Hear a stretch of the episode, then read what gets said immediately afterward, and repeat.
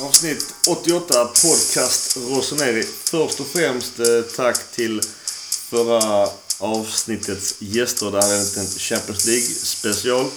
Där vi bjöd in Porto, Atletico Madrid och Liverpool. Jävligt skönt snack och alltid kul att prata med nya människor. Så har ni inte lyssnat på det så eh, gör det.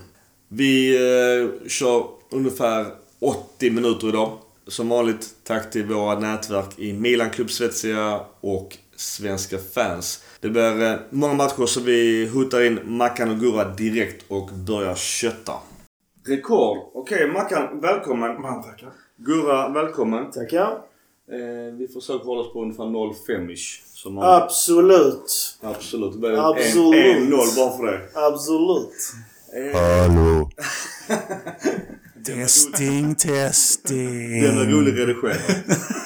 Det kan börja om. Ja. Kolla vilket fält det blev.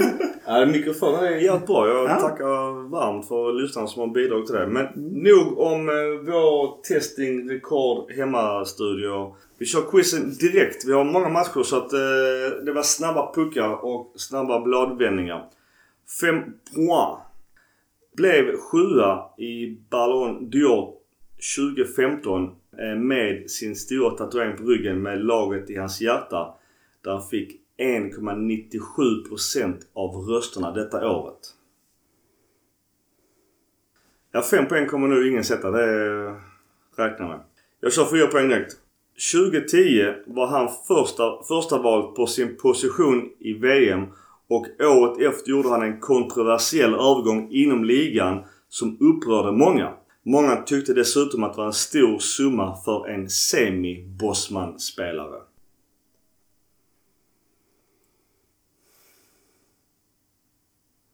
Kanske inte lika stora rubriker i vårt Sverige. Men i detta landet var det mycket rubriker. Och väldigt mycket hat. Vi går vidare. Tre poäng. Denna katolska vädur håller än idag sin position i landslaget med sina 100 plus landskamper.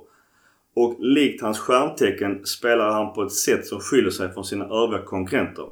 Kanske därför han har så många individuella priser. Jag har inte kört med mina andra CR-polare i den chatten så att jag har inte fått feedback om det är för svårt eller för lätt eller annat. Så att... Ja, två poäng. Yeah! Vågar du gissa på den? Vi testar. Friskt vågat hälften minnet.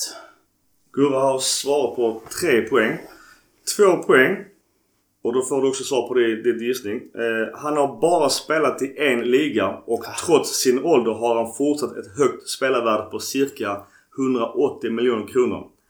På sin position har han vunnit både år, årtiondets bästa spelare på sin position av Uefa och Fifa under perioden 2011 till 2020. Jag ska bara gå ut och skjuta mig för jag glömde trepoängsledtråden. Det var inget. Jag drar tillbaka den fullständigt. Ja. Och sätter mig och skäms. Gurra, du har idag fel som du själv Jo förstår. tack, jag är helt med på den. Jag vill bara ha det sagt att du Ja, hade fel. Men det var värt chansningen. Någon gång får jag fel också. Vill du ha en poäng Gurra? Eller Mackan? En poäng på Mackan här. Hans stora idol och förebild Jens Lehmann har han sedan många år konkurrerat ut som Mannschafts bästa spelare på denna positionen. Eh, Neuer. Exakt. Bra! En poäng till eh, Marcus. Snyggt. Nog om det. Vi glider... Det, det, det, det är lagt till historien. nej, nej, nej, nej, nej. Det var... Men fram till fyrapoängsledtråden var den faktiskt fullt, fullt logisk. Okej. Ja, Men men... eh, eh, var gick han ifrån så säger vi Bosman? Alltså jag fattar Schalke, han, gick han har en stor Schalke 04-tatuering på sin rygg. Så därför ser man aldrig han i bar överkropp. Han är super Gelsenkircher son och... Ja, det är klart att han, är, ja, han börjar bli gammal och visst. Mm, han är 35. Han har ett värde på 180 miljoner sa du. Ja. Vi går över på matcherna. Nu var det jävligt länge sedan vi sågs. Som tur är var det väl ett litet landslagsuppehåll. Ja. Men eh, det har varit matcher två gånger i veckan så att... Jag vet, det var tufft. Men vi är då på Artemi Franki Har vi inte pratat 32 om 000. ångestmatchen? Nej, vi har inte ens pratat om eh, Fiorentina borta. Ja, där- Detta är ångestmatchen. Ja, Vlahovic har ju lekstuga med oss. Vår gamla kompis Bonaventura blev utbytt ganska svag. Jag måste också bara kommentera Torreira som var ett tag på tapeten till Milan. Jag tycker han var ganska blek som eh, innermittfältare. Men matchen i sig, eh, Tato Rosanna får bottenbetyg. Gabi är också inne för bottenbetyg. Vi, eh, förutom egentligen Zlatan som gör två mål så, och en i virket så är Milan ganska dåliga. Eller? Vad säger vi? Så jag tycker det var två dåliga lag där allt gick in i en period. Det var svagt spel överlag helt enkelt. Ja, Jag vet inte om jag håller med. Jag tyckte Milan var betydligt bättre egentligen. Det var bara det att vi gjorde väldigt kostsamma misstag. I alla fall i två av mål. Ja, Duncans mål 1-0 det är ju det är en bjudning från Milan.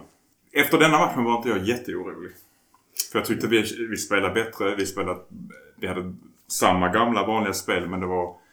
Två mål var definitivt eh, per- alltså individuella misstag och det har alla rätt att göra. Ja men såklart. Så att jag var inte jätteorolig efter den. Såklart gör ju också Saponara mål och han är alltid bra mot oss för att han blev tyvärr ganska ratad i Milan.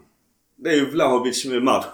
Helt plötsligt står det 3-0 till Fiorentina. Jag tycker inte heller att de är jättebra. bra. Milan är ju jättementalt svaga i den här matchen tycker jag. Vi, vi gör tre byten redan i 56, 57 där Giroud kommer in istället för Diaz, Messias istället för Salmakers, Florenzi istället för Kalulu. Jag vet inte om det har någon större inverkan på matchen. Vi byter även in sen Benazzo och, Krunic istället för Tonali och Leao. Det är de individuella misstagen som avgör denna matchen. Vi hade vunnit den om inte Hernandez hade klödat framför er. Alltså varför, ska, varför dribblar han för alltid framför eget straffområde? Varför, han gör det varenda jäkla match efter den matchen dessutom. Om jag nu får klumpa. Ja. Varför?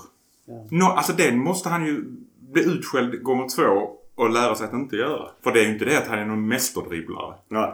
Sen gjorde de också en helt gäng individuella misstag. Så att alltså individuella misstagsbiten kände jag jämnade ut sig rätt bra. Jo, kanske. Nej, det, där var- är det sättet. Men jag, om man tittar på vem som, alltså, vem som förde matchen egentligen så var det Milan som förde matchen tyckte jag. Ja, vi hade, mer, vi hade väl mer boll va? 55% boll. Ja. Visst, vi förde matchen och så, men det kändes väldigt tamt i perioder. Ja, 17-9 i skott till oss. Eh, också ett betyg till Tato Sanna som är lågt av förklarliga skäl. Han, eh, han gjorde inget Bolltappet speciellt. där vid 1-0, det är, är oför, alltså, oförlåtligt. Jag minns inte det. Han tappar ju ner Han ska gå bollen. upp och plocka den och så studsar Han håller bollen och tappar. Just det ja. Ja, ja i straffområdet. Mm. Ja, och det har han tyvärr gjort förr. Shit, alltså sånt händer tyvärr i perioder. Men det är jäkligt surt när det händer. Jag vet inte vem han sk- skäller på efteråt. Precis som att det var någon annans fel. Det kändes jättekonstigt. Han tyckte väl att någon skulle rensa när han tappade den kanske. Men Eh, vad säger du om eh, matchens gigant Vlahovic? Gör vi han bra eller är han så pass bra som betygen visar? det där är en kombination. Han var bra och vi var jättedåliga på att försvara oss mot honom. Två mål och en assist av eh, fyra möjliga. Han är ju på rätt ställe. Han får ju in bollarna. Han har ju bra hjälp också av eh, sina, alltså de andra i laget. Vi har en backlinje som slarvar. Han gick ju mycket på Gabbia. För där var, och Gabbia Hernandez-sidan och där är ju svagheterna. Han, det är ju en bra avslutare, det kommer vi inte ifrån. En frisk Giroud liksom, i Vlahovic känner jag. När det kommer till anfallare i sommar det kommer bli krig om så är det ju såklart Haaland, Mbappe går kanske nu till Real Madrid. Men sen är det ju var går Vlahovic? Jag är lite rädd för att eh, Juve desperat värvar honom redan i januari för att rädda deras eh, säsong. Och deras sjuka deals just med Fiorentina. För att han kan ju faktiskt få Juventus på rätt riktning igen och absolut upp till en fjärdeplats. De ligger långt back nu. Tack och lov är det 11 poäng bakom oss eh, och plus målskillnad. Så det är jävligt gött just nu. Mm. Alltså mentalt tycker jag ändå att vi, vi viker inte ner oss mentalt fastän vi ligger under hela matchen. Det, och just därför var jag inte heller jätteorolig efter den matchen. För att jag, det, jag det tyckte inte det påverkade spelet när vi låg under. Sen kommer det fler matcher efter det. Ja. Alltså jag var inte orolig för vi fick in bollen, vi slutade aldrig kriga. Med riktig jäkla flyt hade vi kanske kunnat snubbla in ett till. Zlatan har ju en i virket i slutet ja. Men som man kan säga, det är ju inte här man blir orolig utan här... Ibland så funkar ingenting. Ibland får motståndarna in allt. Det viktiga är vad man gör av de lärpengarna man får i en sån här match. Hernandez borde sitta i skamvrån och bli utskälld i två dagar eh, på raken liksom. Jag vet inte om det finns en anledning till att eh, Mangan blev eh, frisk väldigt snabbt Ja, efter denna ja. matchen också. Ja, det kändes så. Lite tvångsinkallad. sådana plumpar man går på. Du hade också något att säga om match ikväll, Mackan. Ja, det var flera lag som kan gå på plumpar med Ja. ja. ja, att Napoli förlorar idag. Hemma Eh, mot Empoli. Hemma mot Empoli. Och att Milan-sonen Cutrone får göra det enda målet i matchen. Det, Det gläder vi. det gläder ju oss idag. Det är ju därför vi säljer de här spelarna för att kunna plantera dem i andra klubbar så de gör mål i rätt Det är läge. helt riktigt. Det, Ja. Annars skulle- och Lazio tappade igen. Varför skulle vi annars sålt honom? Ja, vi har ju fina pengar. Dessutom. Alltså med tanke på att han har kanske gjort två mål sedan han gick från Milan. Ja. Är rätt läge. I rätt läge så Det definitivt rätt absolut. läge. Men eh, ska vi bara ta en snabb hit and shit på Fiorentina borta. 3-4. Guida gör för ingen, ingen dålig match alls. Tvärtom. Jag kan börja. Jag hiten är ju att det är ju Zlatan. Han är ju jättebra. Eh, shiten är ju tyvärr vår eh, ja, vänsterkant med eh, Hernandez, Gabia och då Tata där. Den triangeln var ju jättesvag i den matchen. Och att vi... eh, De kontrar sönder oss. Det, det känns konstigt för att Callejon och Saponara är ju inga snabba spelare och, och Vlahovic är ju en target. Så att, att vi blir sönderkontrade tycker jag är jättekonstigt. Det, är- det är svag eh, taktisk föring av Pioli. Det är svagt av honom. Eller shit är de individuella misstagen och hit är den mentala inställningen som fortfarande gick för vinst hela matchen. Jag kan bara inte instämma i hitten. Att vi, vi, gav inte upp. Vi la oss inte ner. Vi lät. Vi var inte nöjda med det. Shitten är ju att Diaz återigen försvinner i matcher där de, försöker, där de stänger ner honom. Han klarar inte av att bli nedstängd. Och då dör väldigt mycket av vårt anfallsspel också. Vilket vi ser, kommer att se i flera matcher efter denna med. Vi går över till Champions League. Och då är vi i, eh, på Vanda Metropolitano i Madrid. Atleticos Diego Simeone 3-1, 4-2. Ja, speciell uppställning han kör med. Det är ju ganska blandat. Eh, den har jag ju kört i förra avsnittet med eh, Marcelo från Seymour. Han pratar också om det. Vi pratar just balansen på Atletico Madrid. Att när de har så pass jävla offensiva spelare. Då kan ju till och med Milan eh, straffa dem, vilket Milan gjorde. Vad säger och vi då har de om... inte ens Joao Felix på plan. Liksom. Nej exakt. Men, men att ha deras sju spelare på mitten och framåt. Det är ingen balans på Atletico och de var bleka på sin egen arena. Vi har som nästan 58% boll. Visst, de vill gärna ligga kontraslå men Atletico Madrid var inte bra i den här matchen.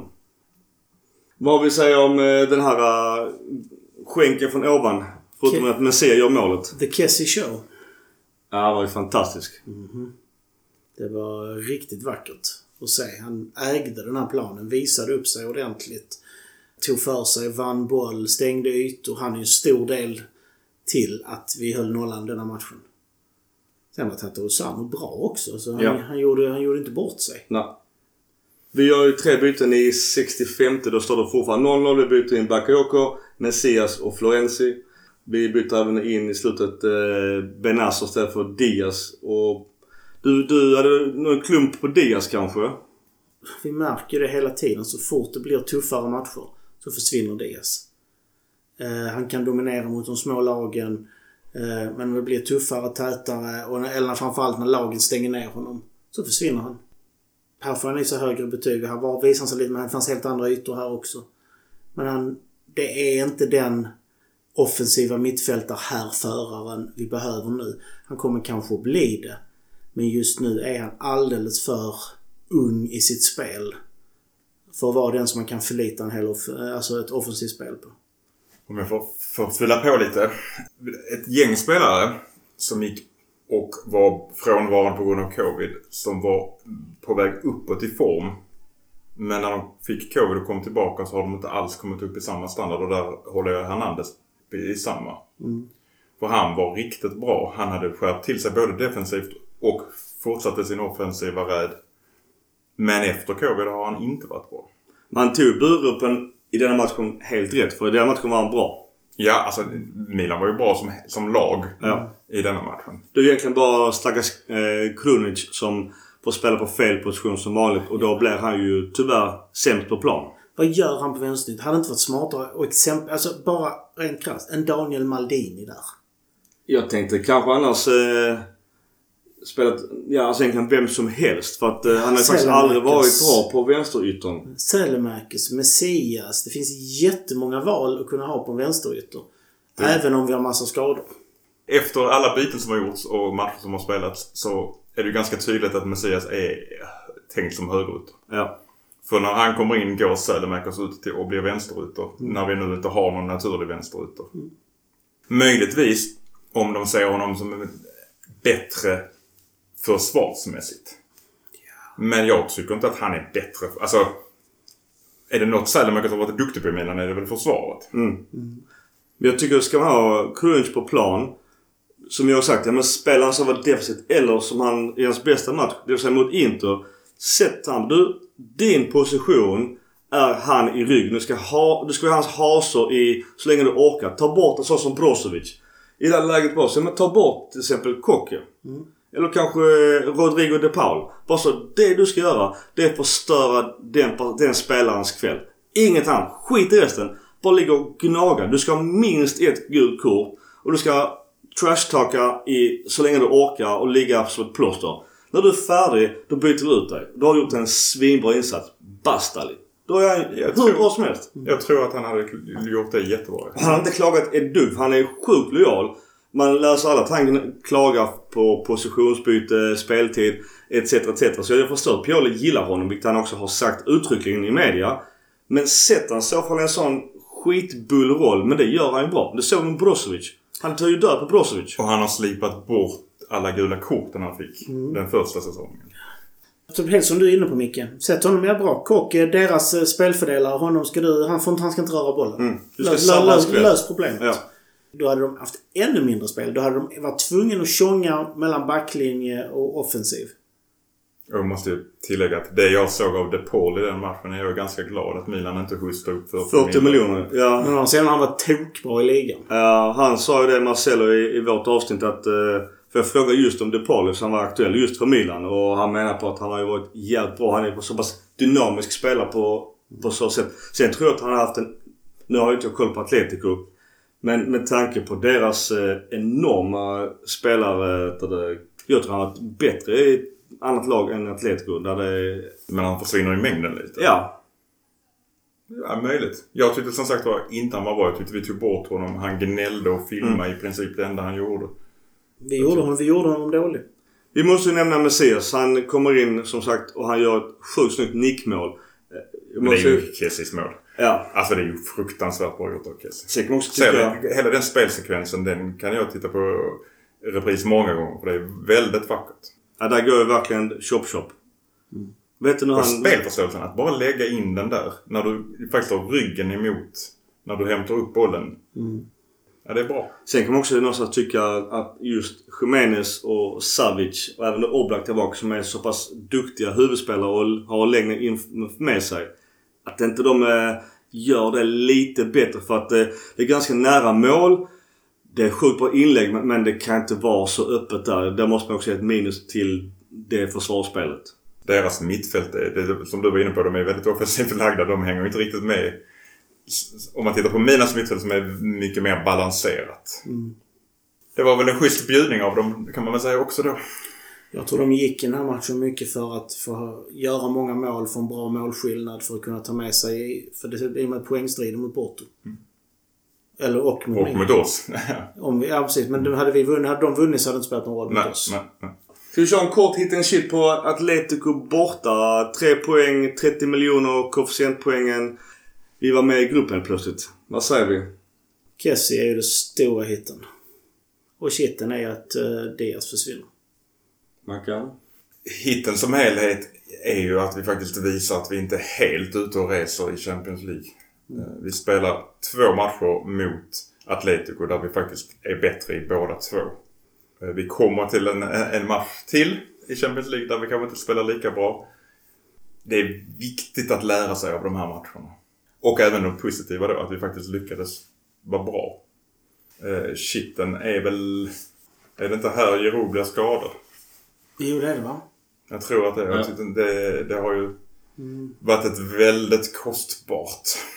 Med tanke på att vi inte har några anfall. Nej, men det märks ju. Och nu ska jag göra en Mackan och klumpa lite. det märks ju i kommande matcher här sen att Zlat, alltså Zlatan är inte den... Han är 40. Han orkar inte springa röven av sig varenda match. Han behöver rotation och när det inte finns något att rotera med då går hans insats ner. Alltså framförallt, som du var inne på innan om jag får fortsätta där. När Diaz försvinner, då försvinner kreativiteten och så har vi inga andra kreativa spelare. För att de andra kreativa spelarna är också skadade. Ja. Leao, Rebic, alltså. Alternativt under isen rent formmässigt. Det har, ju, det har ju varit tufft för Milan. Milan har ju haft mest skador av alla topplagen i hela Europa. Och även då gett bort mest av alla topplag i Europa. Så att det, det har inte varit en jättebra eh, månad sen vi träffades senast för Milan. I alla fall inte spelmässigt om man nu pratar om expected goals och liknande. Men just min hit and shit. Eh, jag höjer alltid Zlatan annars när han väl förtjänar det. Men hans Champions League-insats, eh, om man ska klumpa både framåt och bakåt, men även den här matchen. Han, visst, han blev inbytt, men han gör faktiskt ingenting. Jag hade hoppats på att han skulle kunna med sin tyngd och erfarenhet och allt vad Zlatan är i både hårda och mjuka värden få eh, Atletico med nedtryckt. Han gjorde faktiskt ingenting, tyvärr. Min hit är ju ändå, eh, vet du postbudet eller fan han var Messias. Att han på så kort tid har gått från att eh, spela amatörfotboll och leverera paket till att sänka Atletico på eh, deras nya arena. Det, det är ju sån jävla saga så det finns inte. Så att just Messias blev min, eh, min hit lite för att variera. För att Kessie var ju... Han var bäst på plan. Det, det såg vi alla. Och någonstans här också när man börjar ifrågasätta Kessie och kontrakt och är han värd pengarna. I denna matchen så är det svårt att säga något annat om att Kessie är värd pengarna. Men generellt är det det och det som vi har sagt här innan. Om han, vi har skrivit kontrakt med honom säsongen ut. Och så länge han presterar. Då, då ska vi väl alltså ära vårt kontrakt lika väl som han gör. Jag, läser mycket snack om att ja men bänka honom för att han inte skriver nytt kontrakt. Men ska vi inte hylla det kontrakt vi har skrivit om han gör det? Det sätter ju oss i en jäkla situation. Och vad sänder det för signaler till andra spelare? Som vill kanske fundera på att gå till Milan. Sen har ju Kessie gjort många konstiga insatser. Såklart Såklart jag tänker återigen på derbyt och andra märkliga beslut han har tagit som är fel. Men hans kvalitet är fortfarande bäst av våra mittfältare. Och vi kan inte bänka vår bästa mittfältare när vi jagar ligaguldet och Champions League-avancemang och liknande. Det, det går inte ihop. Vad, vadå? För man. Jag vet, nu har ju också Milan då har ju en helt annan approach till det. Nu var han firade han 200 matcher nyligen i Milan. Jag kommer inte ihåg inför vilken match det var. Men de har ju istället tänkt så här, ja men vi ger han kaptensbindeln. Rätt eller fel kan man alltid diskutera men någonstans gör han till en värdefull spelare för truppen. Nu gjorde han även så med Donnarumma. Det funkade inte. Så man kanske också ska dra lärdom av det med Donnarumma. Men, men de man provar med Kessie. Sen får vi se vad som händer. Men tror du verkligen att han får kaptensbindeln just för att de vill ha kvar honom? Eller för att han kanske är den bästa ledaren om inte Romagnoli är på plan? Det har ju sipprat ut att man i Milan idag ger kaptensbindeln till den som är mest senior i matcher spelade i truppen. Romagnoli har absolut mest matcher i truppen. Vem är nummer två? Calabria. Han tar den, alltså i, dag, i dagens mening. Vem är nummer tre? Kessie. På tal om Calabria också lyssna på. Han verkar vara tillbaks eventuellt mot just Napoli. I alla fall i truppen. Ja, kul. Enligt eh, uppgift i Euro också. Vi Jag önskar att vi får Rebic. Ja, men det är nog tufft innan jul. Enligt eh, rykte.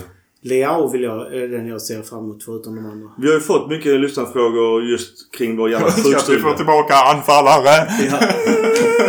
Nej men just lyssnarfrågor och vi har faktiskt inget bra svar på det. Vi kan bara sitta och spekulera. Det är mycket muskulära problem.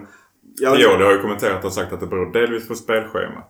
Han kunde inte analysera det som att vi gjorde, eller Milan gör något fel på träningarna eller så. Så Miros skada är ju, den är ju i en match. På tal just om skador och en annan lyssnarfråga. Det är just det här med vår Primavera. Eh, Och just anfallsskadorna. Det innebär att eh, stackars Pioli har fått ta upp eh, Primavera-strikern Marco Nasti. He's nasty. Ja, riktigt nasty. 18-årig kille som eh, har gjort, ja, alltså fem av nio mål. Alltså vår Primavera går ju lite bättre nu än när vi pratade om det senast. Eh, men det är ju, ja, anfallsbrist, skador. Eh, Milan-labb som man pratade om tidigare. Men vi har ingen bra svar på den frågan mer än vad som sippas ut så inget mer vi vill säga om Atletico. Nej, vi vann. Vi tog, Ja. fick eh, 3,4 miljoner. Vi, vi gjorde fan eh, sista matchen spännande. i Ja, gruppen. Jo, Vi- fick 3,2 miljoner pund och massa rankingpoäng. Det är aldrig fel.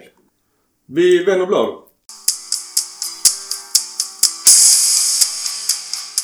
Och då är vi hemma igen på San Siro och möter Sassuolo. Det kan ha varit vår, eh, vårt kalenderårs sämsta match. Skamaka gör ett monstermål. 2 eh, 1-1. Eh, Vi gör ju faktiskt 1-0 eh, av Romagnoli, vår kapten.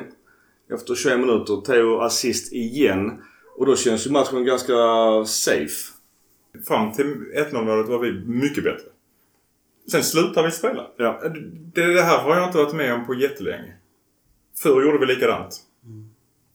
Under Gattusos tid och Montellas tid kunde vi leda matchen med 1-0 och så slutade vi. Vi trodde vi hade vunnit. Och det har jag inte varit med om på, ett, på hela kalenderåret i Ja. princip. Jag, jag tycker just, om man ser på inställning, spelmässigt och mycket annat. Jag vet inte vad som hände efter 1-0 för då... De kanske tänkte som man själv tänkte i, hemma i sin soffa. Ja men nu är detta färdigt. Vi är så pass mycket bättre. Vi tar med oss Atletico och Champions League-spelet och det tempot till ett sämre lag. Och just Sassuolo inför vår match hade de ju uselt bortafacit. Milan haft ett bra hemmafacit. Jag tror alla tippade etta på kupongen. Och alla fixade röven på grund av detta tror jag. Men alltså vi har ju, alltså Romagnoli gör ju bort sig fullständigt i den här matchen. Och då menar jag inte bara vid utvisningen, även 1-3 målet. Är ju han.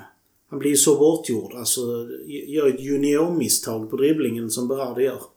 Ja, Brad har ju lekstuga när han eh, vänder ut in på honom. Det, han ska inte kunna vända ut och, ut och in på Romagnoli, utan Romagnoli blir kaxig i situationen. Men sen just, om man nu... Lilla ursäkten till Romagnoli, det är att Bernard är så jävla vänsterfotad. Alla vet att han vill gå in och skjuta med vänstran. Och därför hänger ju Romagnoli tvätt för att han gör det 99 av 100 gånger ju. Och nu tar han ju skottfinten och sen gör skottet med högra. Alltså det var ingen som tippade det. Det är fortfarande uselt försvarsspel. För man ska ju såklart som mittback täcka ut spelaren. Såklart, det fattar ju alla Lunds Boys pojkar 11. Det, det, det är så man gör. Men Romagnoli tänkte väl säga om han går alltid inåt. Lite så susu spelstil. Mm.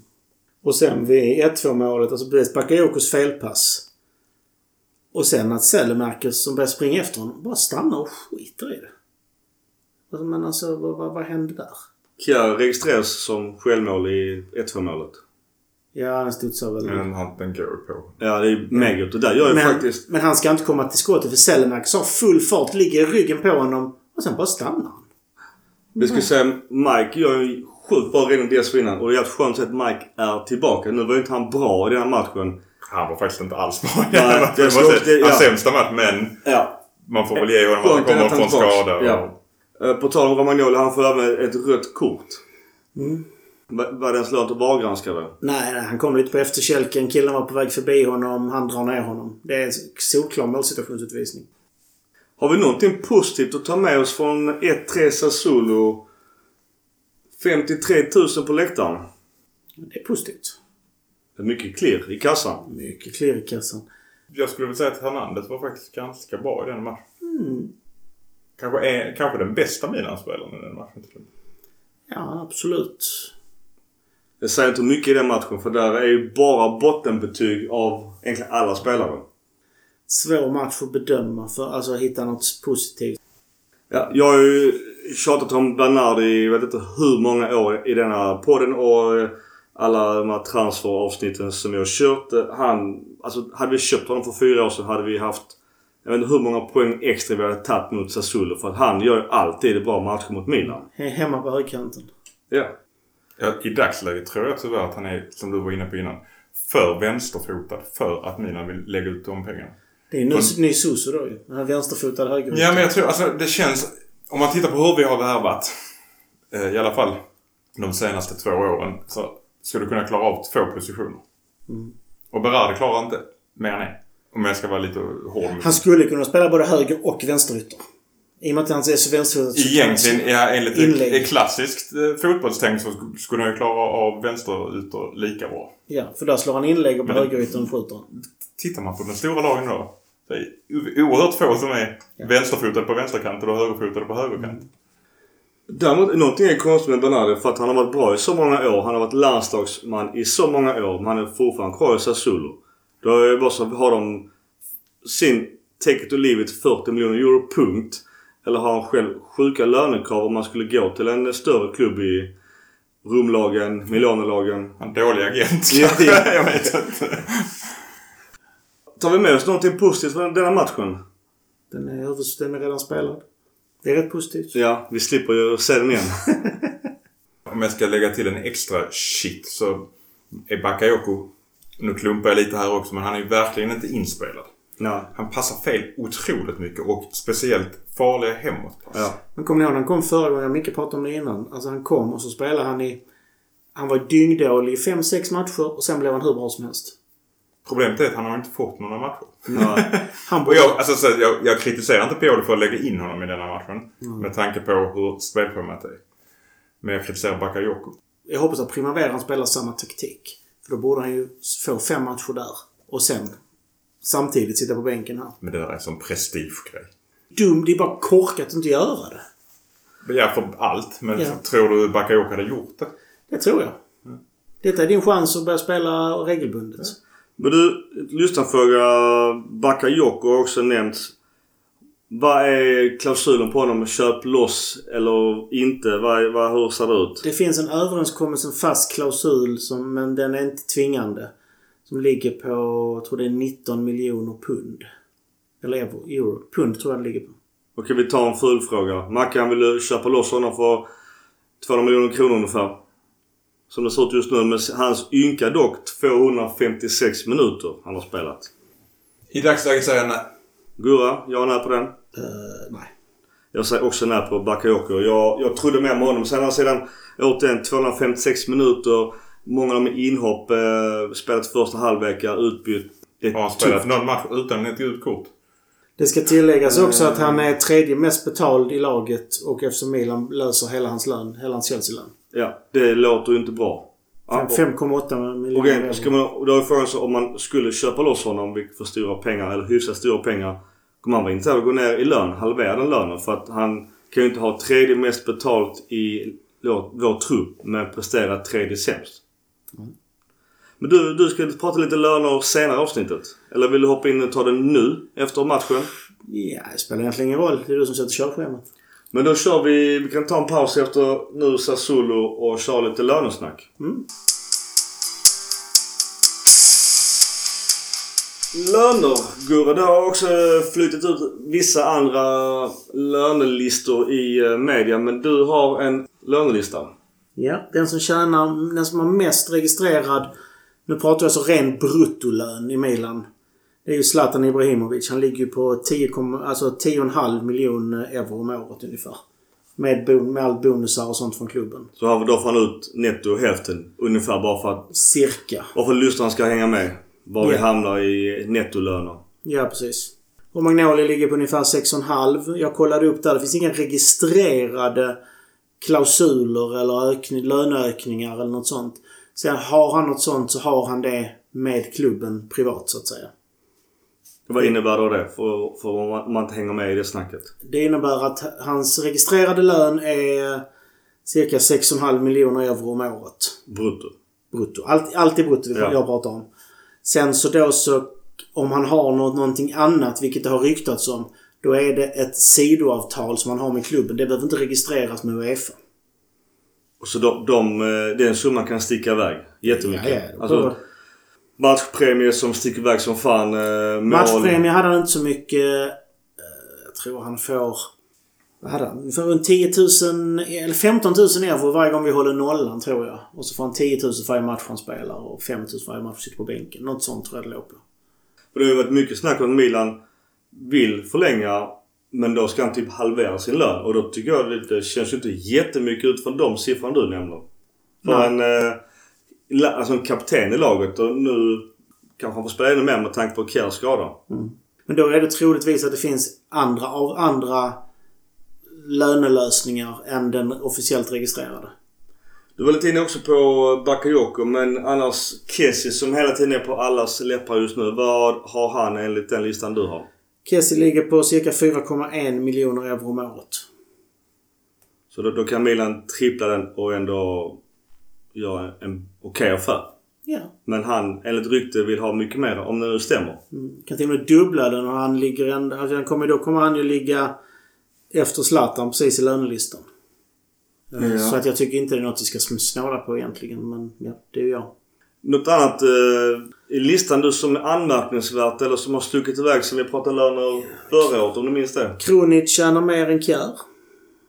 Kronic har ungefär 2 miljoner om året. Kjär har 1,8. Men han har väl höjt för nästa säsong. Ja, kanske det. Eftersom han förlängde. Eh, Junior Messias som då är inlånad, eller hur det är, han har eh, 200 000 pund om, eller euro om året. I lön. Men det lär ju nog bli höjt om han får fast kontrakt. Han måste ändå vara betydligt mycket mer än att köra paket. ja. ja, jo! Spela amatörfotboll. Daniel Madini, 555 000. Minns ni vad sådana sjuka rykten om Maldini att han, hade tjänat, att han tjänade 2,7 miljoner euro? Sen är det värt att nämna som jag sa innan att vi betalar hela Bakayokos lön. Han alltså har 5,8 miljoner euro om året. In och ny eh, Mirante, vad, vad ligger han på? Där är Mirante.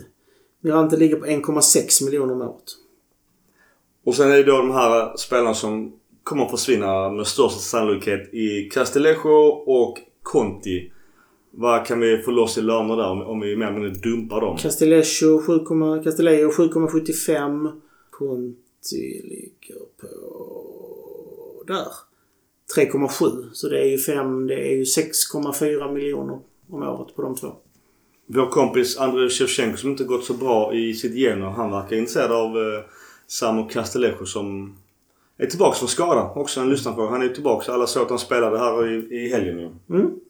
Han är inte helt oäven. Han är inte bra men... Han har ju boll i sig. Jag tror att han kan nytta i Shevchenkos Genoa. Fan vad han har börjat dåligt tyvärr, Shevchenko. Caldara som rykten om plocka tillbaka, han ligger på 4 miljoner om året. Får vi tillägga vem var det som eh, brokade den affären? Caldara? Det var Leao som... Eller Leonardo? Leonardo som eh, ja. gjorde en... Kanske den dyraste värvningen någonsin. Med ett jättedyrt lån. Ja. Av... Caldara tjänar lika mycket som Kessie.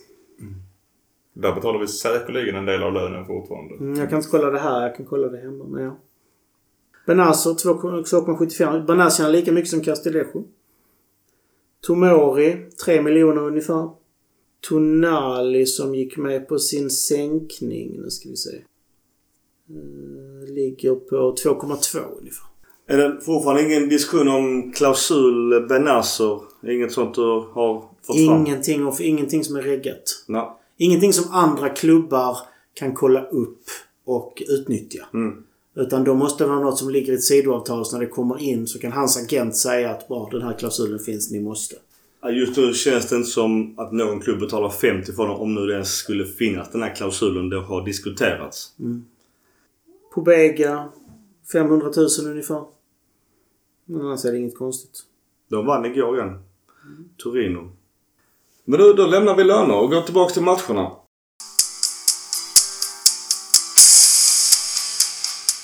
Yes, tillbaka till Serie A och eh, Genoa som vi pratade lite om och vår kompis Shevchenko upploppscoach. Alla vet att han har tagit över det. Här eh, är ju jävligt pissig situation kort in på matchen. Redan i minut fem så byter Milan in Gabbia istället för Kjär. Kjär enligt Gazettan verkar vara borta i sex månader. Vilket helt fuckar upp kommande transferfönster. Och bara en liten passus talar om, eh, om Kär och skada. Vi hade ju vår eh, Gustavo Gomes. Minns ni honom? Mittbacken som inte fick mycket chanser. Han kom med i Libertadores Team of the Season som mittback. För sitt eh, Palmera. Så då, ja, nu ska vi inte gråta över spilld mjölk men vi gav inte han en ärlig chans misstänker jag. Det gjorde vi inte. Samtidigt så är det ganska stor skillnad på att spela eh, back i Italien och i Milan. Ja. Än i hela Sydamerika skulle jag vilja säga. Ja. Men jag tycker det är grattis till honom för det första att Palmeiras vann deras Champions League och han ska komma med i Team of the Season. Jag vill ändå lite upprättelse för honom. Jag kan tänka mig att han kan komma tillbaka till Europa ganska snart. För den utmärkelsen är ju ändå bra, ska jag säga.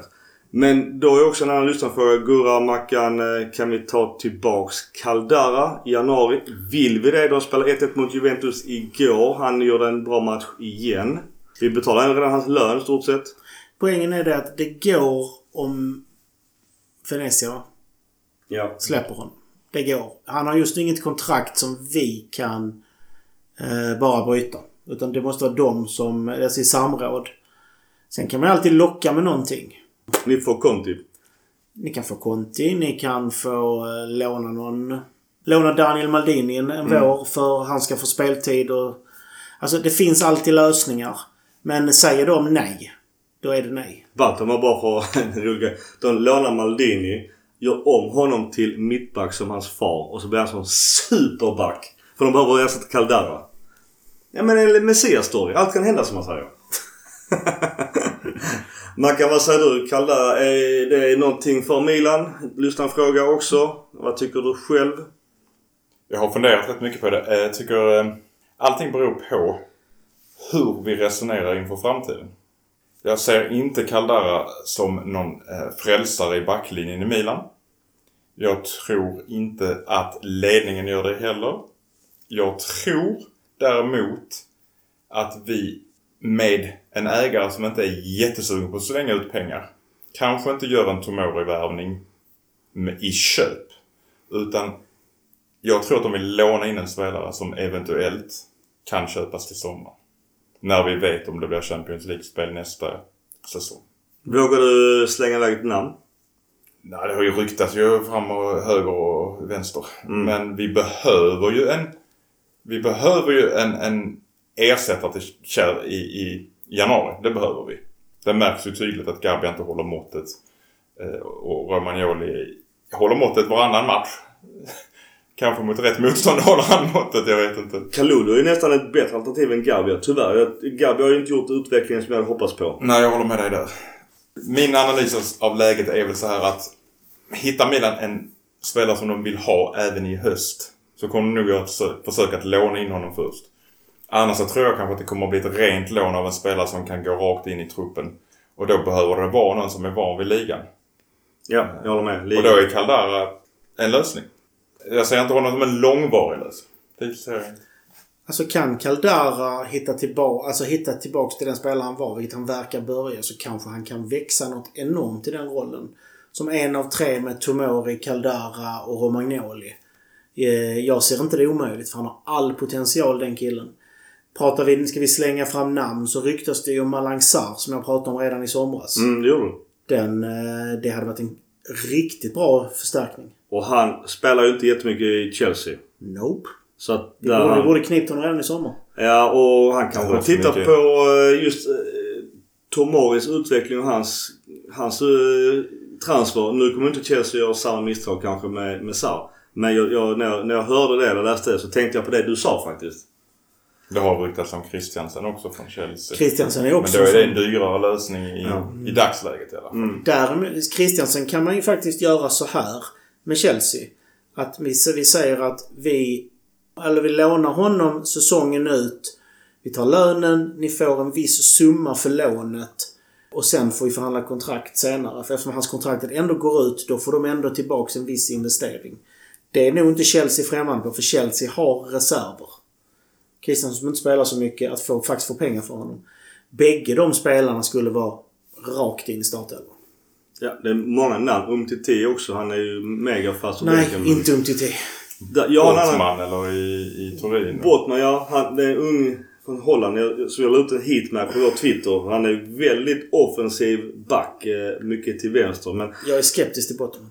jag har sett för lite av honom. Men däremot, eh, jag har en tanke annars. På tal om jag också... Ska man värva januari så vill jag också egentligen ha någon som kan ligan och språket och allt vad det innebär.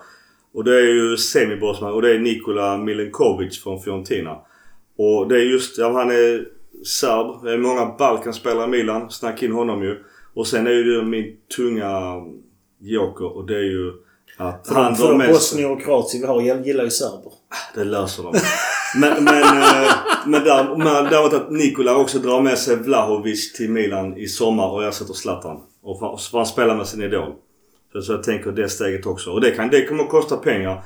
Men eh, Milikovic är ju semi-bossman så Fiorentina... Går han, går han för gratis sommar? Ja. Så att... Eh, om inte jag läst har inte han ett år kvar? Nej, jag tror han är semi-bossman. Så ska Fiorentina ha pengar så är det nu. Ja, jag tar den på höften. Så har jag fel så har jag fel. Men, men annars så är det ju att de ska de ha pengar för dem nu. Så är, är det ju eh, i januari de måste sälja honom.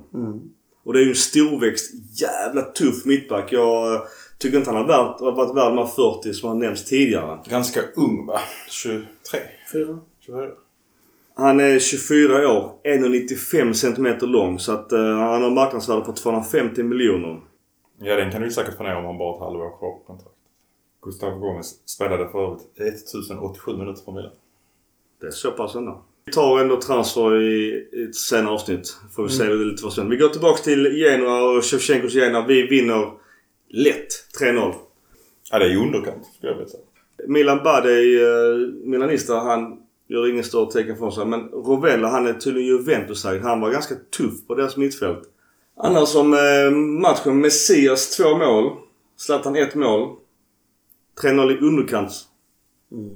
Hitta en shit på denna. Alltså Messias, eh, kul att han får tända till. Han får göra någonting. Den nicken han får göra är riktigt vacker. Två nickmål. Ja, Ja, hans nej. första mål i Milan var väl två Ja, nickmål? precis. ja. Men alltså just den nicken när han lyckas få lobba den från så nära håll. Att, att faktiskt få den kraften från det avståndet är riktigt bra. Sen prickskjuter han in nästa. Jag tycker nästa mål är så jävla snyggt. Alltså det är mycket trafik och han så iskallt bara lägger med vänstran i bortre hörnet. Det, att det är Alltså, det, magiskt. ja, det, alltså bägge målen är ju alltså tekniska riktigt, riktigt, duktigt, riktigt mycket. Vi möter ett femmanna-mittfält men här är ju Diaz eh, duktig. Lite som jag sagt att han är bra mot de lite sämre lagen har vi lite orättvist och hårt sagt. Men här är han ju jätteduktig i sin AMC-roll. Och här gick de inte in för att stänga ner honom heller. Här fick han springa, fick han ta yta, han fick ha boll. Men det är lite grann som när vi stänger ner Brozovic. Vi byter in Selmakers, Bakayoko, Pellegri, Florenzi och då ja, Gabba på grund av Kjärs skada. Eh, ingen större eh, insatser på vår inbytare, inhoppare. Här kan vi säga att Pellegri hade klagat på att han inte fick speltid. Han får speltid men hela Milan struntar i anfallen när han väl kommer in. Ja, matchen är död då. Vi, alltså vi leder med 3-0. Ja. Efter en minut har han varit på plan gör vi tredje målet. Sen gör vi ingen ansats att anfalla. Nej. Sen ska han ju få chans i matchen efter. Jo absolut men alltså det är lite så. Han kommer in i ett ogynnsamt läge för personligen för honom. Så ska jag säga. Ja. Jo men absolut. Hit and shit på denna matchen. Hit är ju såklart att vi vinner urenkelt. Men shit är väl egentligen att vi får aldrig något motstånd. Nej. Alltså vi får inte visa vad vi går för. Nej. Så vi vinner rättvist, enkelt. Skönt med sådana matcher. Men den betyder inte så mycket för utvecklingen av laget. Alltså Messi- Messias får ju chans. Alltså den här matchen byggde ju mycket självförtroende på honom också. Han fick dribbla, han fick ta yta, han fick vinna boll. Alltså det var... Det märks och det ser vi i matchen efter att han... eh, Det här gjorde att han började ta för sig på ett helt annat sätt. Han har ju boll i sig. Oh ja.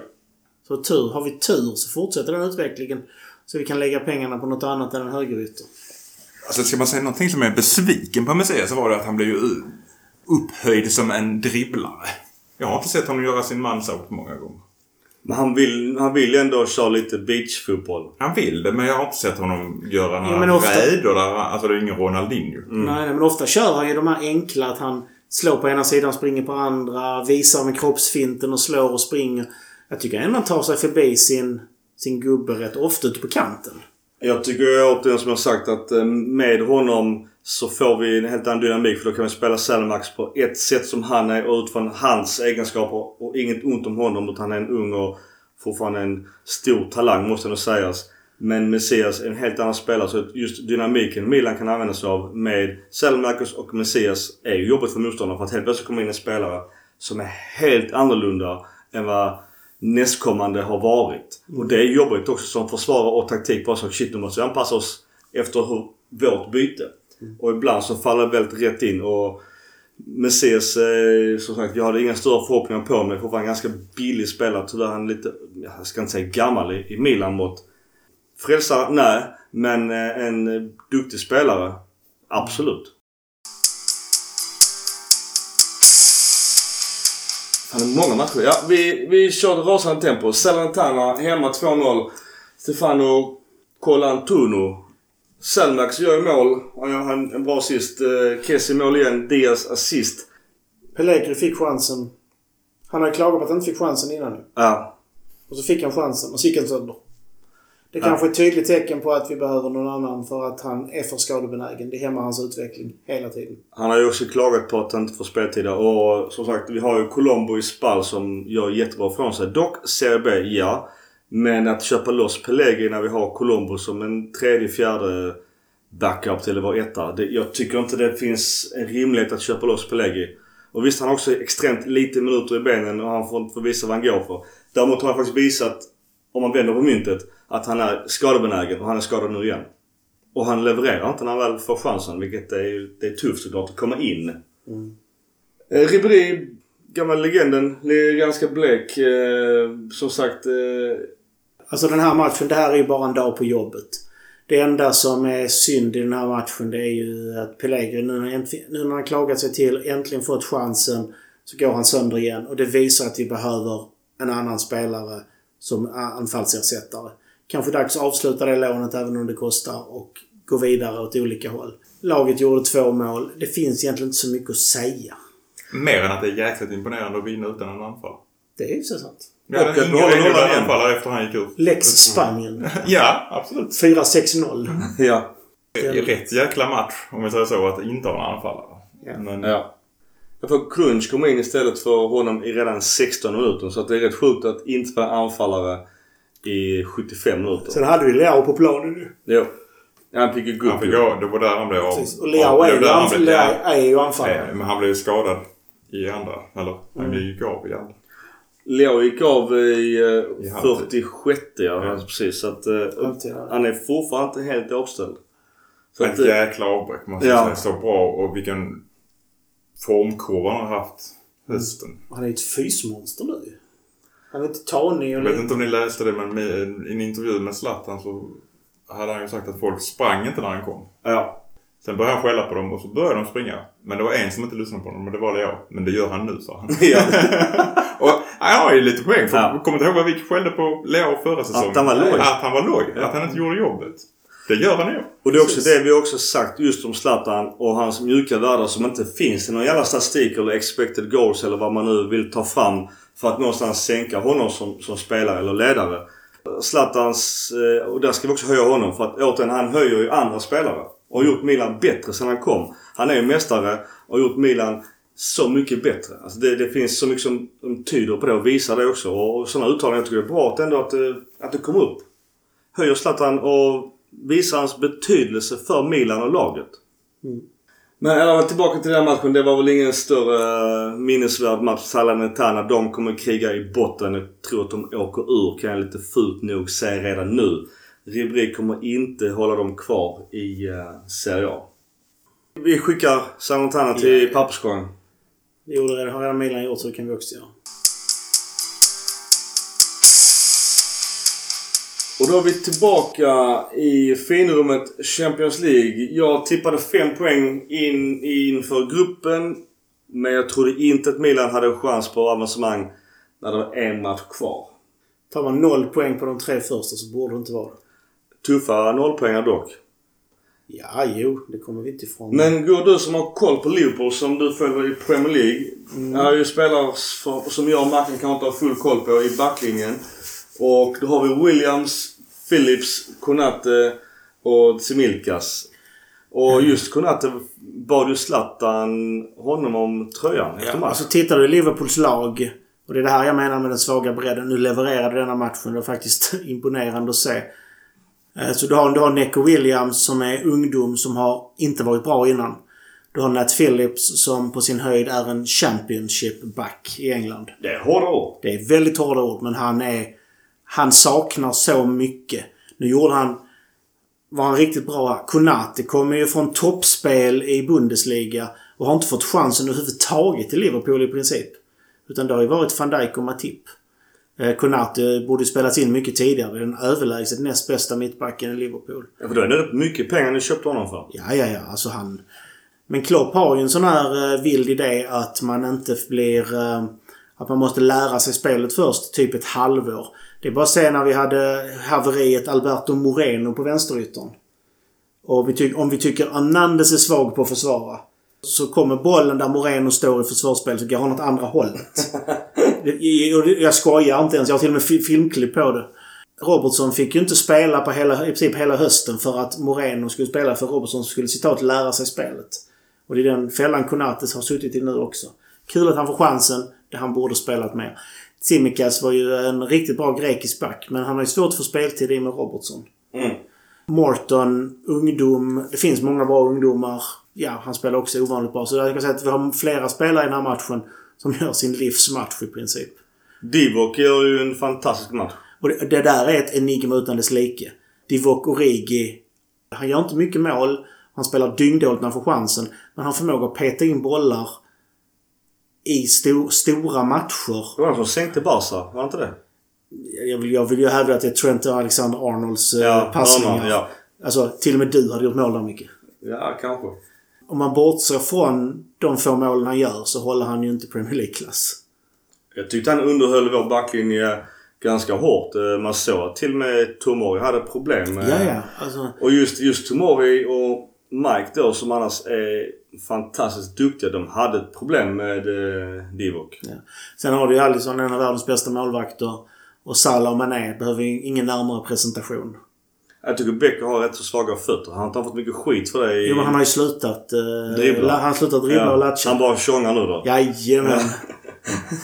Det är ett lag med supervärldsstjärnor och ett helt gäng unga som faktiskt överpresterar och det var intressant att se. Jag tycker faktiskt Milan får mycket skit här för att de här du nämner, det är ju unga hungriga. Jag, jag någonstans spekulerade i, i förra avsnittet att kan det varit bättre att ta med etablerade stjärnor som var lite mätta. Matchen är betyder ingenting för Liverpool. Då har kanske Milan större chans att vinna. Sen tycker jag Milan hade jävligt svag attityd överlag ändå i denna matchen. Ur Liverpools synvinkel så borde de vilat Alisson, Salah, Mané. Just för av den enkla anledningen att de spelar varenda match, varenda minut annars. Det hade varit ett klockrent sätt att få lite extra vila på spelare som typ har spelat oavbrutet i två år. Tre år. Det slutar 1-2. Mackan, vad säger du? Champions League ur tåget. Eh, vi slutar sist i gruppen. Porto blir trea. Atletico tvåa. Liverpool vinner gruppen överlägset. Eh, vad Var vi värda ens vinna matchen? Kessie bränner friläge i slutet. Det kostar mig pengar. Men var vi ens nära kryss? Totalt sett Champions League-spelet är vi inte värda att gå vidare. Men det är jäkligt bittert att vi inte går vidare på grund av förlusten hemma mot Atletico. Ja. I den matchen var vi värda att vinna. Ja. I alla Sen fall ett kryss. I denna matchen, liksom mot Fiorentina, så förlorar vi mer på grund av individuella misstag än på grund av att vi spelar jättedåligt. Analysmässigt kan du ju säga att många matcher har vi spelat dåligt för att vi inte spelar med, med flera anfallare. Renodlade anfallare. Vi har inga byten att göra för Zlatan får spela fast han egentligen inte är menad att spela alla de här matcherna. Jag pratade med en kompis under den här matchen att Zlatan behöver bytas ut. Men visst, vi har ingen att byta in. Nej. Sen tycker jag det är rätt fräckt av de som har gjort det. Vi tittar på Scored nu. Eh, Att de ger Magna som ett misstag till det målet han släpper in. När han gör den vansinnes enhandsräddningen. Ja. Vad ska han göra? Sen Salas mål också och även då Origi, Divock då. Att deras sekundprestation är, är fantastisk Ja, det, också. jag tar inte bort prestationen från Liverpool. Ta det inte alls så. För det är väldigt bra gjort, men varför uppstår lägena? Det är ju faktiskt individuella misstag. Tomori gör ett individuellt misstag. Ja. Och i det andra, vem är det med? Är det... Det kan du Det är Kalulu. Det är väl Kalulu som tappar bollen när Mané går igenom och skjuter och Sa- gör Magnan gör jätteräddningen och Salah kan skjuta in den. Jag kommer faktiskt inte ihåg det exakt. Jag tycker inte att det är faktiskt en jätteräddning. Jag tycker... Den! Ja men han går ju mitt på honom. Den går ju här fort. Nej. Han får ju upp handen där. Nej. Jo. Det är 2-1 målet. Nej, jag tänker på 1-1 målet. 1-1 målet är ju den vansinnesräddningen. Ja, jag menar 1-1 1-0 målet. Som Salah gör 1-0 ju. Ja, och då har han gjort en det är ju- superräddning innan. Nej, Nej, det är det, väl det är 2-1 målet. Origi, Divock, Ja. som gör det. Det är- Origi gör 2-1 målet. Ja. Och det är där han gör superräddning. Ja, den köper jag. Men Ja, första målet tycker jag är, är lite svagt. Sen, är det ju, sen står ju faktiskt Theo Hernandez och tittar boll. När det går ut i hans yta. Och så är Salah är ju jävligt snabb. Alltså det Salah gör är ju världsklass. Att han sätter också den på one touch i närtaget är ju sinnessjukt. Men där står Theo Hernandez och tittar boll. Efter Mikes räddning. Och det är svagt försvarsspel att titta boll. Absolut. Men som sagt var, jag tycker inte att han har kommit upp i samma nivå som han gjorde innan covid. Och här är, om vi går till Champions League och Kessie. Till skillnad från Atletico så gör Kessie en dålig match. Han bränner också friläget i slutet. Där det kanske där det gett oss Europa League. Eh, lite pengar och, och koefficientpoäng. Absolut. Sen får man... Vi får väl tillägga att... Att Kessie överhuvudtaget kommer i den löpningen. Är ju bra. För Ja. han ska inte göra den löpningen. Kommer ni ihåg det snacket vi hade för något år sedan när Kessie fick så mycket skit för att han inte var Jag bra? trätofflor. Ja, men, ja, men, jo men att Men Kessie... att han... han, Han, är, han får ju lägen, han, det är inte han som ska ha det. Nej. Det läget skulle Diaz, Zlatan, Messias haft. Precis. Och varför får han det läget? Jo, det är för att vi faktiskt inte har fler offensiva spelare. Ja. Och Kessie är smartare än sina egna fötter på plan. Precis. Så jag vet inte. Jag tycker det, jag har jag hela tiden sagt att Kessie är inte värd 9 miljoner euro i lön och högst betald i Milan. Det tycker jag inte att han är. Men jag tycker inte att han är så dålig. Alla bara gnäller. Oh, han är så dålig. Han ska inte förlängt. La, la, la. Bänka honom säger de. Jag tycker han har varit kon- faktiskt, om man ser generellt sen han kom tillbaka från skadan, har han nog varit den bästa spelaren i Milan. Konkurrens med Tomori, håller jag med dig. Men han är bra. Att, att säga något annat är faktiskt bara alltså, Ja. jättekonstigt. Att jag tycker att, att klaga på Kessie. Ja, visst. Det är inte jättemycket rotation heller. Men han är ju vår bästa mittfältare. Alltså, Sen har ju dippar som alla faktiskt har. Men han är vår bästa mittfältare. Och att han vill ha mer lön än de eh, siffrorna du presenterade. Det är ju självklart. Sen så visst 9 miljoner låter ju sjukt mycket. Så att om man pratar jag vet inte om man pratar netto eller brutto. Det är också en jävla skillnad på det. För pratar han brutto, det vill säga att han får 4,5 i handen. Fan ge han det då? Ja, det är så samma sak med Donnarumma. Zlatan menar på att Donnarumma hade stannat om Milan hade gett honom det han ville ha.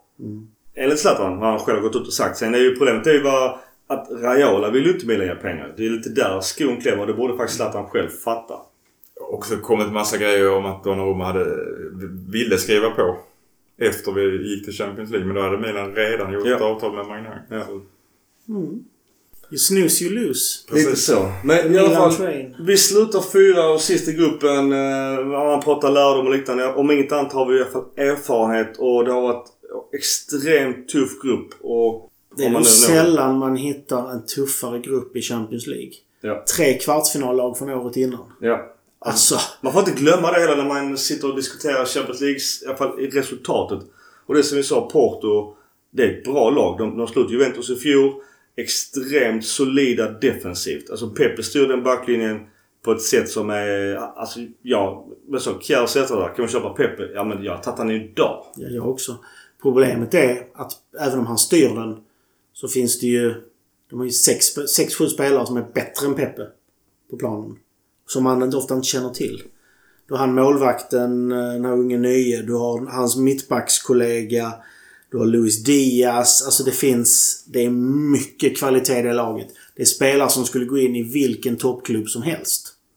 I vilken toppliga som helst. Något mer att säga om Champions League-matchen mot Liverpool hemma på San Siro? Vi, jag vet att rent ekonomiskt det är 56 000 på plats. Och jag läste någonstans att det gav i kassakistan 5 miljoner euro. Och det är ju jävligt fina pengar. Mhm. Ja, alltså övriga lag just med TV-pottspengar. Men, men det kommer ändå ge Milan en del pengar. Det är synd att vi missade nästkommande rundan. Jag hoppas på att de gör en Inter som Inter gjorde i fjol. Jag läste någonstans att vi hade hoppat rätt bra i rankingen var på att vara med. Ja. Från 96 till 48 plats tror jag. Det var... Vi ligger väl fortfarande typ sju av de italienska lagen men det beror på att vi inte har spelat i Europa på Nej. rätt många. Det här är första steget. Har vi riktigt flyt så vinner vi ligan och blir första sidan nästa år och får ett dynglag och har sex gratispoäng. Alltså det är ju det man kan hoppas på. Mm. För sex poäng i Champions League, dels ger det sjukt mycket pengar och dels ger det mycket ranking. Och så bara byggs det här på ju. Jag hoppas ju fortfarande på att Milan ska få Malmö FF i en tävlingsmatch. Champions League. Det Kul. Vilka hade du valt på? Ja, jag hade ju stått i båda bortaklacksmatcherna. Men sen hade ju Milan tagit 6 poäng mot Malmö och det ska de ju göra. Malmö tog ju... De skulle ha haft tre poäng i sin grupp. Har, råkar ha samma sponsor på sina tröjor som sponsrar hela... Sankt Petersburg? Ja, Men- den matchen var ju... Den straffen är ju ett hån. Och de tog guld nu. Men nog om Allsvenskan och MFF. Eh, vi glider vidare.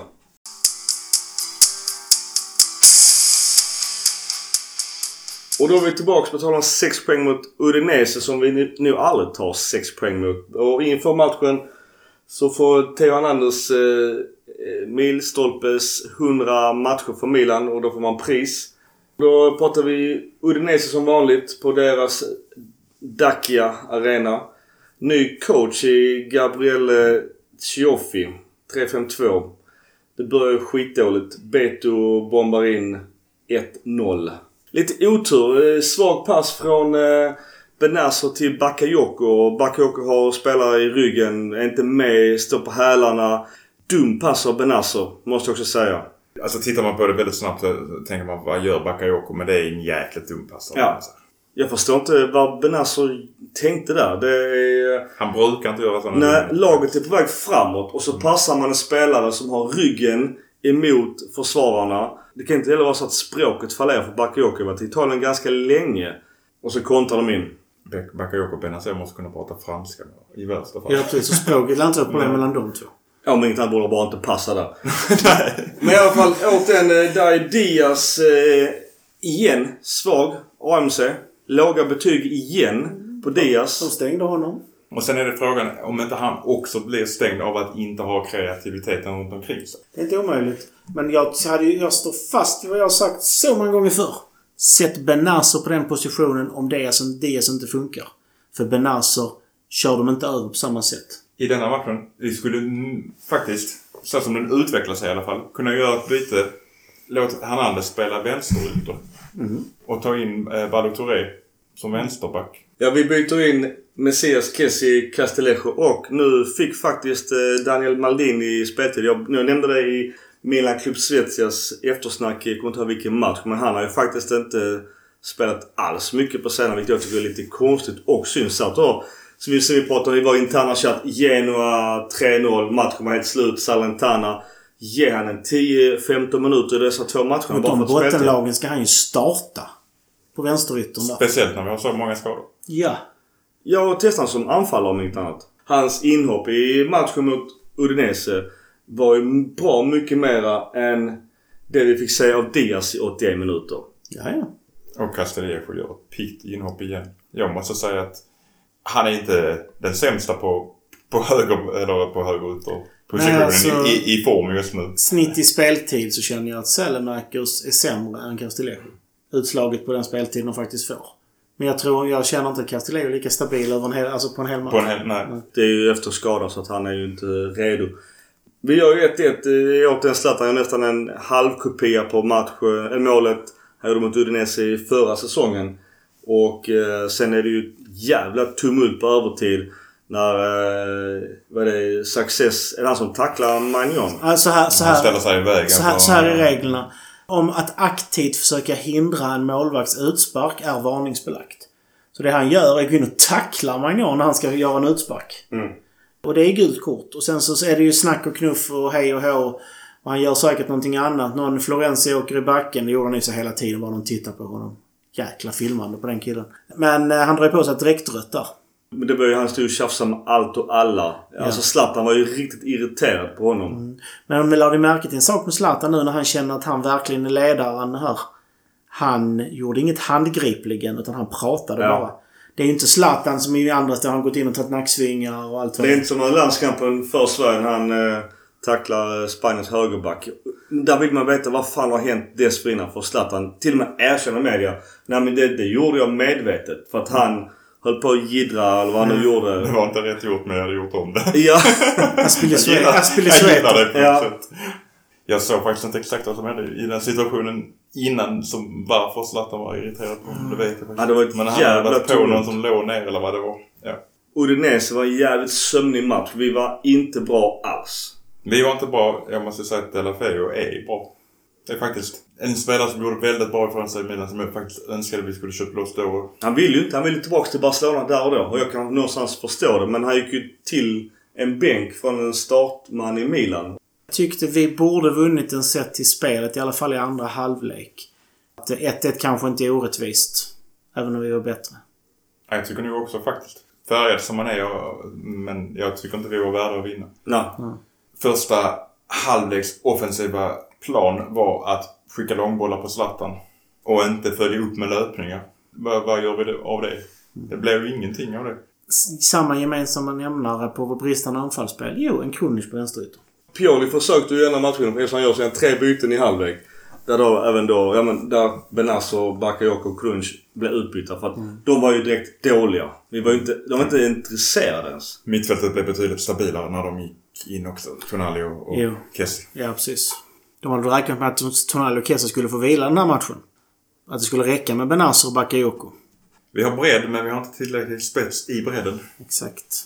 Vi skulle ju vila hem den här matchen eftersom vi har då Napoli den 19 december. Det blev en tuff julklapp och nu fick du som du sa Mackan, eh, Cotrone kompis sänkte ju Napoli så de är nog jävligt hungriga på den här matchen. Nu hoppas jag att vi har lite spelare tillbaka från skada. Inter leder nu med 4-0 mot Calgary. Jag får upplysa er. Som Hakan Calhanoglu gjorde 4-0 mål. Ja, men 1-1 på Dacia-staden. Eh, vi vänder blå. Tar hit en shit.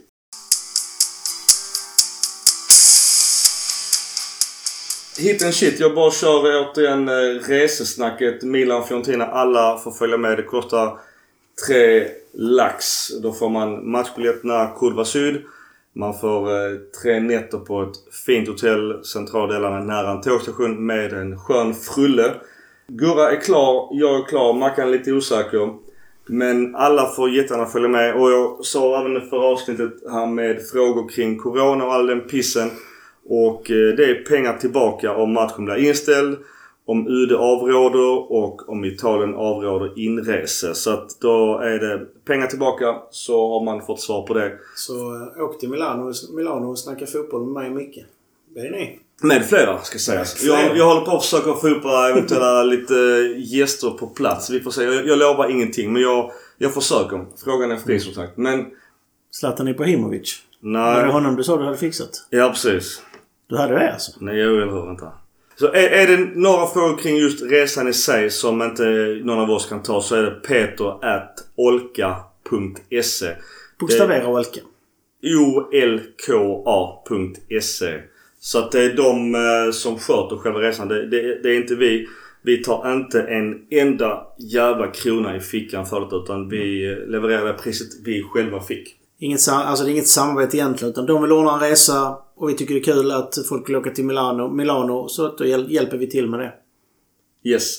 Hit and shit. Eh, nu är det många matcher vi har varit blandade. Min, eh, jag börjar med min shit och här kan man ta dubbelshit och dubbelhit hur man vill eftersom det har varit mycket, eh, ja många matcher och långt Som vi behöver tillstånd för det. Vi gör ju aldrig det. Nej. ja, men min, min uppenbara shit, eh, det är ju Kjär skada. Den kommer ju vända upp som jag sa. Det kommer fucka upp hela januarifönstret. Jag tror inte såklart Maldini hade tänkt eh, värva någonting defensivt. Men nu är det som vi pratade om in med en tung ledare. Godin har inte varit jättebra i Calgary men han är ju en bra spelare, kan ligan. Eh, Det har varit också prat om byte på Bega Bremer. Där finns hur många namn som helst. Du har också något namn eh, du pratar om, om Mackan som du kan ta i så fall sen. Men det är en mega bull överfucker shit. Uh, skada. Nytt kontrakt dessutom. eh, och det är en sån jävla chef. Och jävligt snyggt också att uh, spelarna gick ut med, med Kjär på en vit t-shirt. Någonstans eh, krya på dig till honom. Sen en dubbelshit är att vi blir sist i Champions League-gruppen. Inte oväntat men att vi var med i sista omgången. Och poängen, pengarna, eventuellt eh, sponsorintäkter, publikintäkter och allt det här innebär med alla ringar på vattnet. Det var, det var också en, en, det var min dubbelshit. Hitten. Jag tänkte säga att vi är C-ledare men det, det kan jag säga att vi inte är med tanke på att Inter leder just nu. Men trots alla jävla skador så är vi ändå eh, uppe i toppen. Napoli-matchen nu den 19 är ju så jävla viktig. dubbelhit är ju att Juventus ligger 11 poäng bakom oss. Det myser jag över för att skulle de, nu ska jag inte säga för mycket, men om de missar Champions League. Fy fan vad det kommer att bränna i kistan på dem. Det kommer att bli en riktigt dåligt tourbesök. Sälja några extra Fiat-bilar. Ja, de, de är också under luppen på många Kanske, precis, vi kanske ska säga att det finns en del eh, Det finns en- annat eh, det finns- i den ja. bägaren. Ja, Juventus har det tufft nu eh, och jag hoppas ju att det är snack om att eh, de ska bli bestraffade om det finns... eh, Kan bli av med ett par ligatitlar till. Ja, det tycker jag. Om det finns starka bevis för det. Sen så på tal om just Juventus om de tappar eh, spelare, eller tappar eh, titlar eller pengar. Vi behöver ju också en mittfältare. Artur är en spelare jag var svag för i Barcelona. Eh, han kan de rea ut till oss. På tal om eh, dubbelhit så måste jag ju revidera det som Fiorentinas Milinkovic. Hans kontrakt går inte alls ut. Så att eh, handen upp på mig. Jag tar tillbaka den. Tanken är dock fortfarande god. Hitten är att Champions League-äventyret ändå gick lite bättre än vad jag hade förväntat. Vi fick mycket erfarenhet med oss. Vi fick, ehm, fick poäng, vi fick pengar, vi fick rankingpoäng. Det är ett jättebra första steg. Eh, vidare på hitten så eh, även om vi förlorar matcher så vi har, inte, vi har inte rullat över på rygg och dött. Vi har fortsatt kämpa, slita. Det finns möjligheter, det finns förutsättningar. Går vi in på kittarna så dels så används spelare på märkliga positioner men Pioli har ju lyckats med sina byten i alla fall. Och by, jag tycker bytena tydligt visar att det är fel från början. Gång efter gång. Eh, Shits skada måste man ju såklart nämna. Och att som sagt det har blivit några genomklappningar. Men överlag så är det ju en rolig säsong. Om vi går in på hit där igen. Det finns alternativ. Det finns möjligheter att lösa det. Jag är inte orolig. Och naturligtvis att Jubbe ligger så långt efter är aldrig fel. Man kan. Jag försöker vara koncis denna gången då. Shit, det är alla skador. Du behöver inte nämna någon för att det är för många skador. Inklusive covid-frånvaro. Som har förstört en hel del matcher hittills tycker jag. Hitten, att vi mentalt inte har vikt ner oss mer än möjligtvis i Sassuolo-matchen där jag faktiskt tycker att vi gjorde det. Men att vi då inte, inte viker ner oss mentalt och då, som du var inne på lägger sig på rygg. Vilket vi hade gjort för något år sedan. Det visar att vi har någonting i laget som eh, en ryggrad, eh, en stomme i laget som gör att vi inte har fel inställning. Eh, jag har väl en liten smygbubbla på mittbackspositionen som vi kommer behöva värva och det skulle kunna vara möjligt med ett lån av Ramos som inte har fått spela någonting i princip i PSG. Och inte jättenöjd över det heller. Han kan inte vara så nöjd med det. Vi behöver ju en erfarenhet i backlinjen. Alltså han behöver komma i matchform. Milan har haft klockrent för honom till det. Så kan man bara sälja in den idén och våga ta det och är beredd att betala en del av lönen så tror jag... PSG tror jag inte har problem med det. Jag tror inte Ramos har problem med det heller. Men då måste han i princip vara garanterad. Inte. Mm. Får man göra lite plus i, i Absolut. hit? Ja, Messias. Jag måste säga att det är kul. Ja, det är en jävla resa han har gjort. Han har ju boll i sig killen. Det, Ja, det alltså, missar man inte. Spelar han princip gratis också. Forza Milan. Som- Milan.